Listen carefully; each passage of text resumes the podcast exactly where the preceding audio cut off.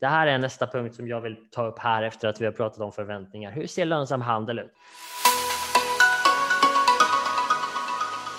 Det här är Traderkanalen, en podd om valutahandel med Peter Svahn.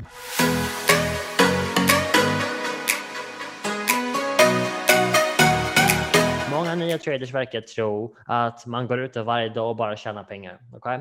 Och jag kan förstå att man har den synen. Jag hade den också. Är det många här inne? Ni som är med här idag, vem här inne tror att man går ut där varje dag och bara tjänar pengar? Du vet, hur ser lönsam handel ut? Vem här inne har en kommentar om det?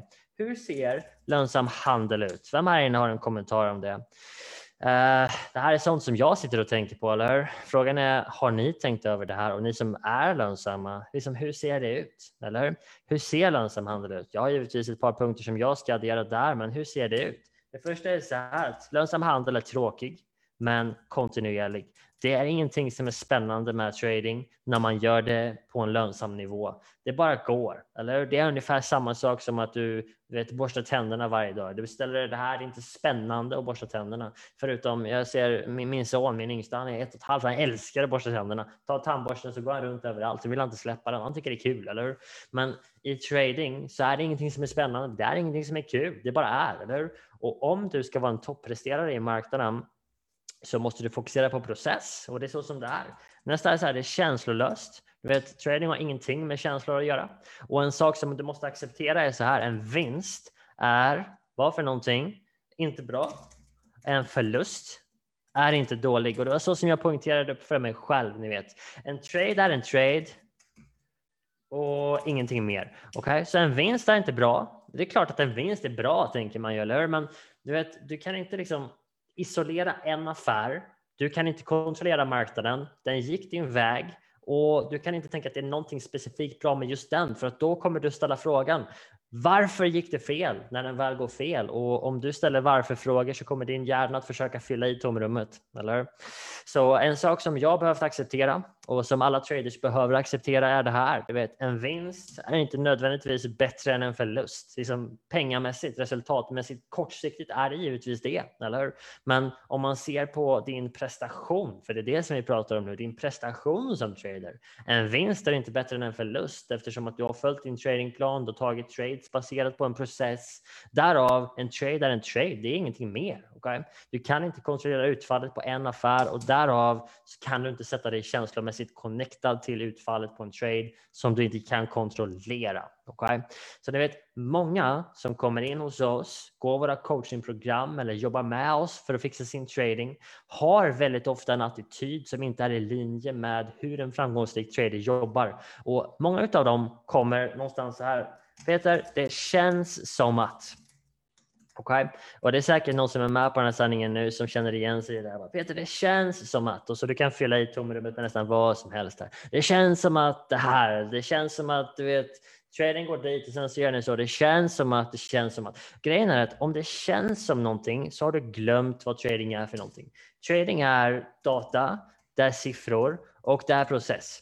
Så det finns ingenting som känns egentligen i trading. Det är klart att det känns bra efter ett lönsamt år. Självklart, eller Men vägen till att ha ett lönsamt år är genom att ta objektiva beslut baserade på data och siffror. Okay? Så när du känner någonting om din trading, ta ett steg tillbaka och bara titta objektivt. Vad är siffrorna de sista månaden? Vad är siffrorna förra kvartalet? Vad är siffrorna hittills i år? Och när du ser på siffrorna så behöver du inte ha några känslor. Du vet vet vad som är bra, du vet vad som är din benchmark, du vet vad diffen är till till exempel ditt valideringsresultat. Så då behöver du inte känna om det är bra eller dåligt, utan då ser du svart på vitt. Data och siffror ljuger inte. Eller? Så därav, data och siffror är det som du måste gå på som en trader. Och jag vet, vissa bara, men Peter, jag är inte så bra på matematik, jag gillar inte siffror. Jag förstår det. Och grejen är den att du behöver inte kunna speciellt mycket om det heller. Du behöver ha en benchmark, du behöver ha någon form av standard som är här, liksom, här ska jag ligga. Och varje gång som du har handlat ett kvartal eller ett halvår eller tagit en sekvens med 20 eller 50 trades eller vad du nu sätter själv, då kan du mäta den sekvensen emot din standard. Okay? Det är ett sunt sätt att göra det på, för då behöver du inte sitta och känna om en trade är bra eller dåligt just nu. För en enskild trade kan du inte bedöma, eller hur? Och här är samma sak. Det här är samma sak, precis som att ni vet, en hit rate, en hit rate är alltså hur många trades du vinner och man pratar oftast om den i procent. En hitrate på 35 procent kan vara bättre än 70 procent. Okay? Jag har sett traders jättemånga gånger som har tjänat mer pengar med en hit rate på 35 procent än de som har 70 procent. En hit rate isolerat i sig säger ingenting. Det är därför som när jag ser reklam ibland på Facebook eller på internet med den här strategin som har 90 procent hit rate eller den här roboten som har 90, du vet, det, det, det säger ingenting. Okay? Det säger ingenting. Det hjälper inte att vinna 70 procent av dina affärer om inte storleken på dina förluster i snitt mot dina vinster i snitt har ett bra förhållande. Eller hur? Och faktum är att de bästa traderserna jag ser ligger väldigt sällan kring 70 procent. De ligger lägre till exempel. Så jag, jag säger inte att 35 procent är just kanske den bästa hitraten som just du ska ha, för jag vet inte vad dina siffror är. Det kan vara, eller Och en hitrate på 35 procent med en risk-reward på 10 är alltid mycket bättre än en hitrate på 70 procent med en risk-reward på 1 till 1,5. Det är alltid mycket bättre, så man måste sätta det i kontext och i förhållande till vad du faktiskt mäter det med. Hitrate i sig säger ingenting och det är därför som jag säger se på data och siffror, eller hur? För siffrorna i sig kommer att berätta allting som du behöver veta. Men när du sitter och tar trades, du har tagit 100 trades, du har förlorat 65 stycken. Det är klart att det inte känns så bra om du tänker på dina känslor, för du har ju förlorat mer än vad du har vunnit, eller Men om din risk-reward stämmer, du vet, med hitraten som du har så kan kontot ändå ha växt härifrån och hit upp om du har gjort det på rätt sätt.